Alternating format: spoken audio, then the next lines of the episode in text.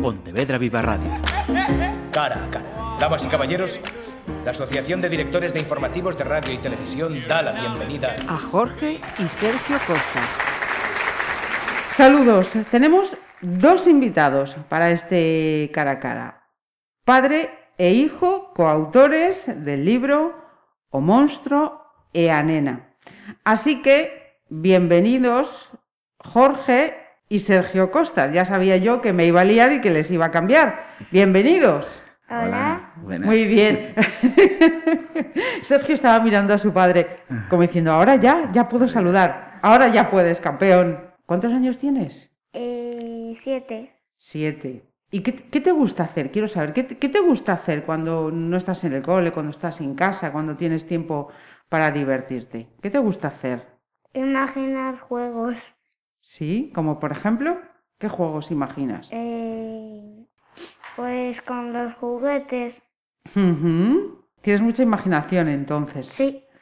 Ajá, bien. Por ejemplo, con los dinosaurios que tengo. ¿Tienes dinosaurios? De juguete. Un tiranosaurus de estos enormes. Tengo un triceratops, un T-Rex, un velociraptor. Ya no digo más, ya veo que tu nivel está muy por encima del mío. Muy, muy por encima del mío. Tío, vale. Quiero saber cómo se te ocurrió esa historia de O monstruo e a nena. ¿Estabas con los dinosaurios o estabas con otras cosas? ¿Cómo se te empezó a ocurrir esa, esa historia? En el confinamiento. En el confinamiento, vale.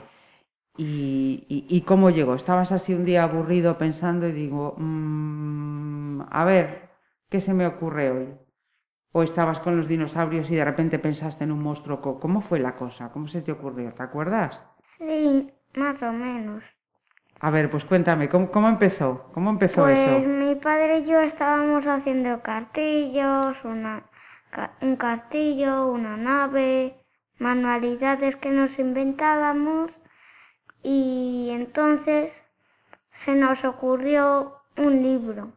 Ajá. Y yo le fui diciendo lo que quería y mi padre lo fue dibuj dibujando. Ajá, o sea que tú imaginabas y papá era el que iba dibujándolo en el, en el papel, en los papeles, en los folios. Me decías, fue en el confinamiento. ¿Tú cómo lo pasaste en el confinamiento? Bien. ¿Bien? ¿Sí? Con mi padre, mi madre, los juegos, las manualidades. ¿Echabas un poco de menos ir al San Martiño o no? Más o menos. Más o menos. ¿Estabas por, por el ordenador viendo a los compis? ¿Cómo era? ¿Cómo fue tu caso? Mm, Por el móvil alguna vez, ¿no? Sí. Hablabas con ellos. sí. Ajá, vale. Mira, y si te pregunto, ¿papá a qué se dedica? ¿Qué es lo que hace? ¿Cuál es su trabajo? A ver. ¿Se dedica a dibujar como dibujó tus dibujos de un monstruo de la nena? Sí, hacer animaciones y esas cosas. Tiene una pinta estupenda eso, ¿no? Sí. ¿Sí? ¿A ti te molaría? Sí. Hombre, si tienes tanta imaginación, se te tiene que dar de maravilla, digo yo. Mira. También. Ah, sí, también dibujas genial. Sí.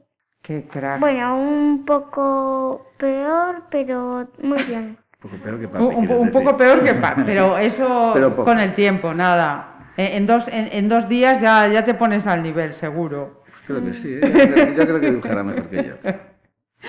Jorge, eh, digamos entonces que aquí Sergio iba dando las instrucciones y tú eras el que iba... Sí, sí, yo a sus órdenes.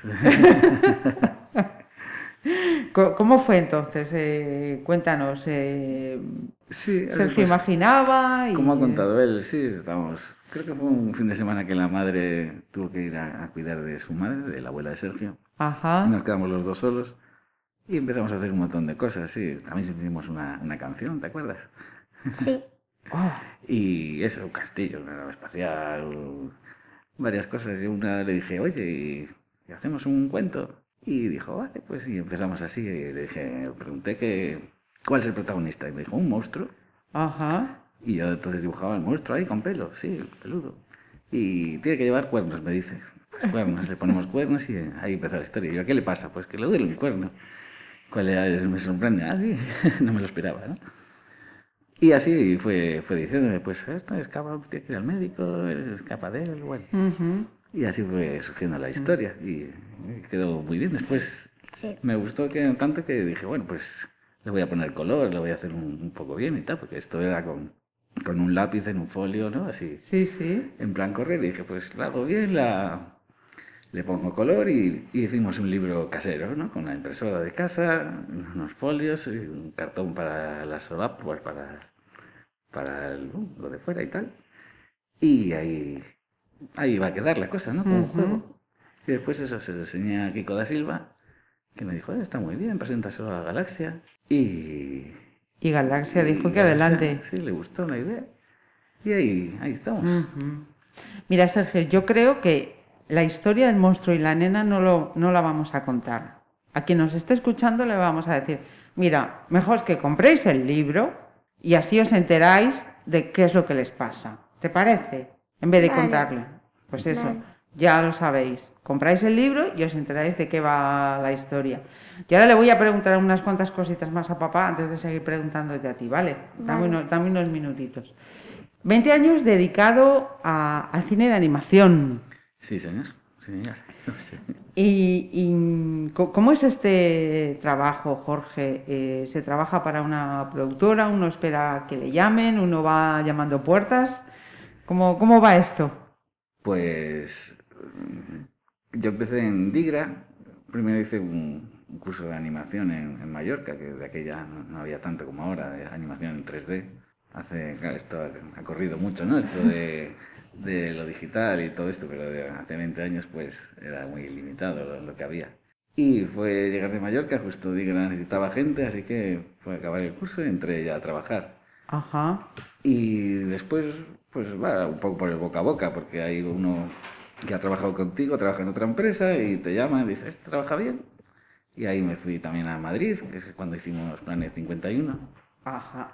Vale, Estoy- pues me, me va, me va a permitir que haga un inciso, me voy a poner las gráficas porque si no soy incapaz de, de leer.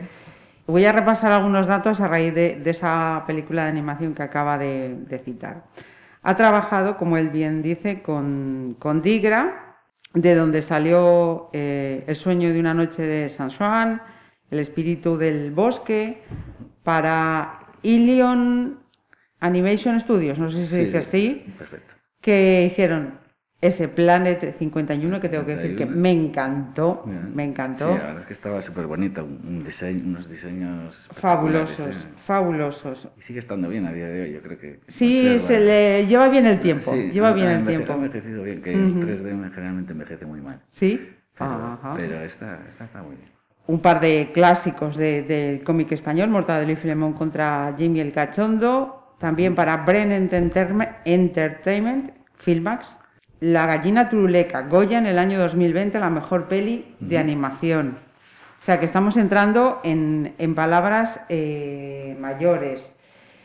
En, en estos casos que acabo de citar, ¿dónde, dónde estaba la, la mano creativa de, de Jorge?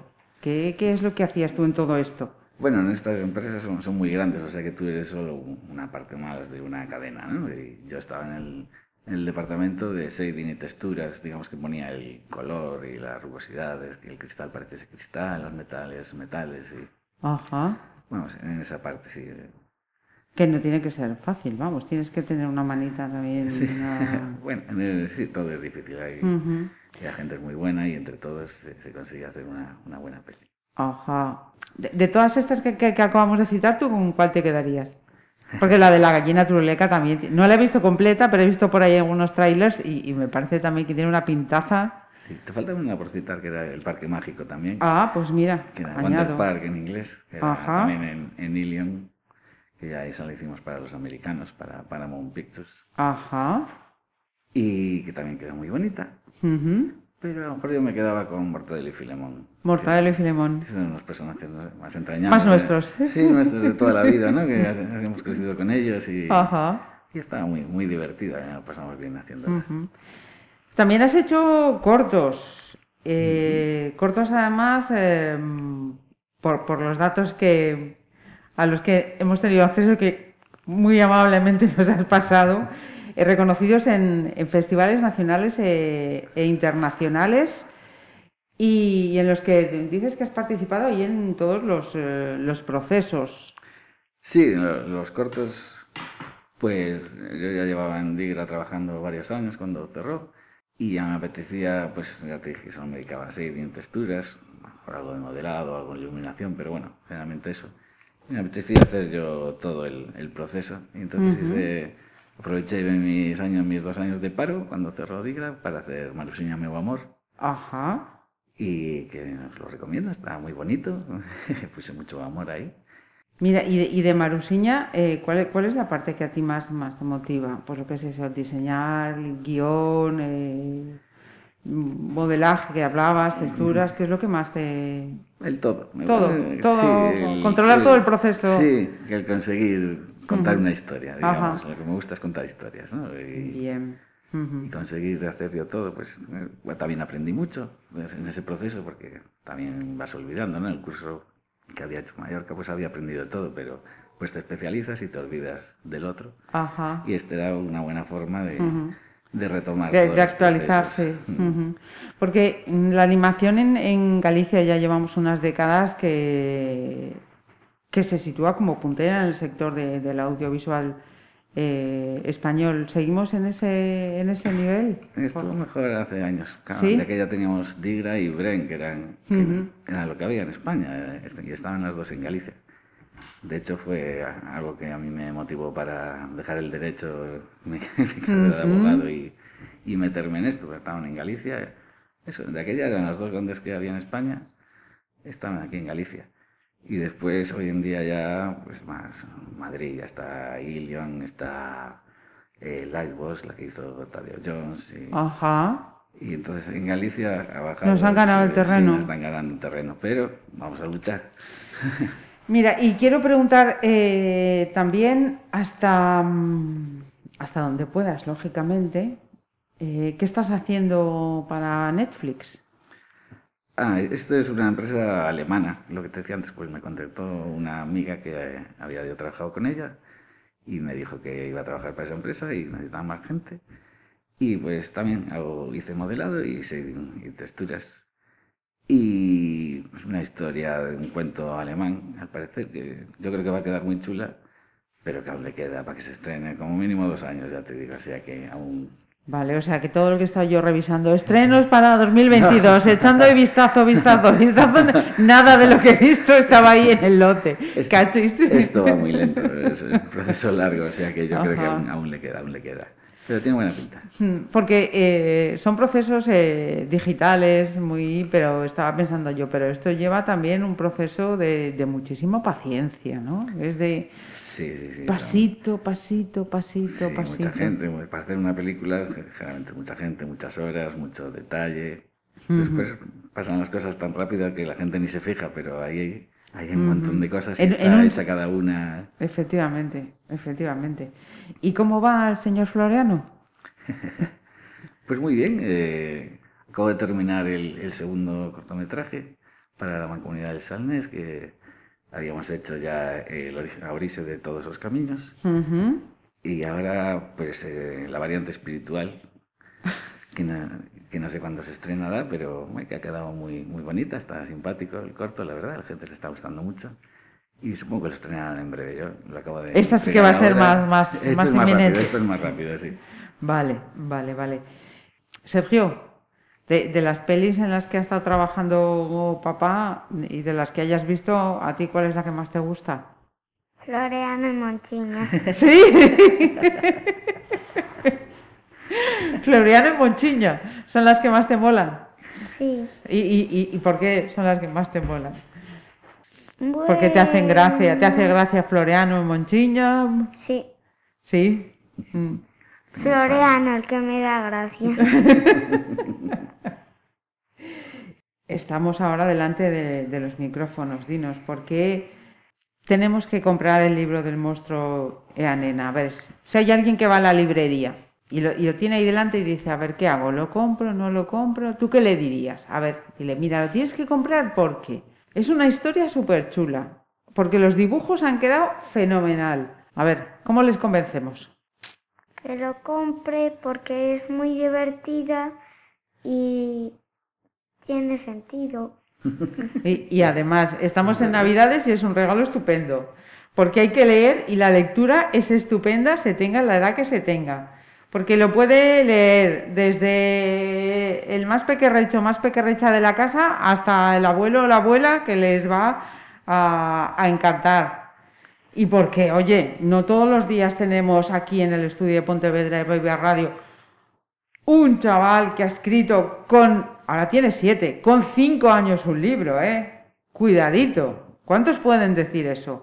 Yo, en el tiempo que llevo en la radio, eres tú el primero. Con que fíjate, con que fíjate. En el cole les has dicho, oye, que tengo un libro, a ver si lo compráis. ¿Lo han visto en el cole? Eh, algunos lo han comprado y el primero que lo compró de, de mis amigos del cole, pues se lo leí ese día que lo trajo al cole. ¿Y qué te dijo? Lo leíste a toda clase. Sí, ¿Sí? sí. Caramba. Eso tiene que ser emocionantísimo, ¿no? Y me dijeron que les gustó mucho. ¿Sí? Sí. Eh, pues es- esa es la mejor crítica, ¿eh? Esa es la mejor crítica. Que tus colegas te dicen que les gusta, genial. Mira, ¿y tienes profe? Sí, se llama Loli. ¿Y Loli qué te dijo? Mm, También no le molaría, seguro. Si Loli te dijo, léelo en clase, es que le moló. Fijo que sí. eh, es la primera vez que lo escucha ese día que lo leí. Mira, y otra cosa, ¿te gusta la Navidad? Mucho. Sí, ¿qué es lo que más te gusta de la Navidad? Mi familia. Muy bien. Te voy a poner un aplauso al terminar esta entrevista. Te la acabas de ganar, campeón. Sí, señor. Tomar lección. ¿Qué es lo que más te gusta de la Navidad? La familia. Chapó, Sergio. Chico. Pues e- eso, eso es bueno. Y, y- y al papá de la criatura le gusta también la Navidad. Disfrutáis la Navidad. Sí, lo pasamos muy bien. Bueno, tenemos también, calladita, que no lo habéis oído, a la mamá, que está aquí también. Iba a decir, se, le cae la baba, pero llevamos la mascarilla y no lo puedo ver, pero vamos, los ojos ya se lo están, ya lo dicen todo. Los ojos llevamos muchos meses que ya hablan tanto como, como el resto del rostro. Oye, pues muchísimas gracias a, a los dos y que ojalá os vuelva a llamar para decir, oye, vamos a hablar de vuestro segundo libro. ¿Hecho? A ver, Vale. Sergio ya tiene muchas ideas. ¿Sí? Pues hecho. Venga. Iba a ir de un perro. Ten- ¿Sabes cómo, se- cómo le llamamos a eso los periodistas? No. Exclusiva. Nos acaba de dar una exclusiva. El próximo libro va a ir de un perro. Toma ya. Muchísimas gracias, Se corazón. va a llamar Espera, o no, no, no, no, de no, no, perro. no, no. De momento lo dejamos, lo dejamos ahí. El suspense, como las películas de suspense, lo dejamos ahí. Solamente podemos decir que va a ir de un perro. Ah. Muchísimas gracias, campeón, por venir. Jorge, Gracias. muchísimas gracias y muchísima suerte. Muchas gracias a ti por invitarnos. Pontevedra Viva Radio. ¿Me permiten que les haga un comentario como espectadores del programa Cara a Cara? Según un reciente sondeo de mercado, ustedes disponen de estudios e inteligencias superiores a la media. Sus intereses abarcan desde la actualidad mundial y la ciencia hasta el deporte y los espectáculos.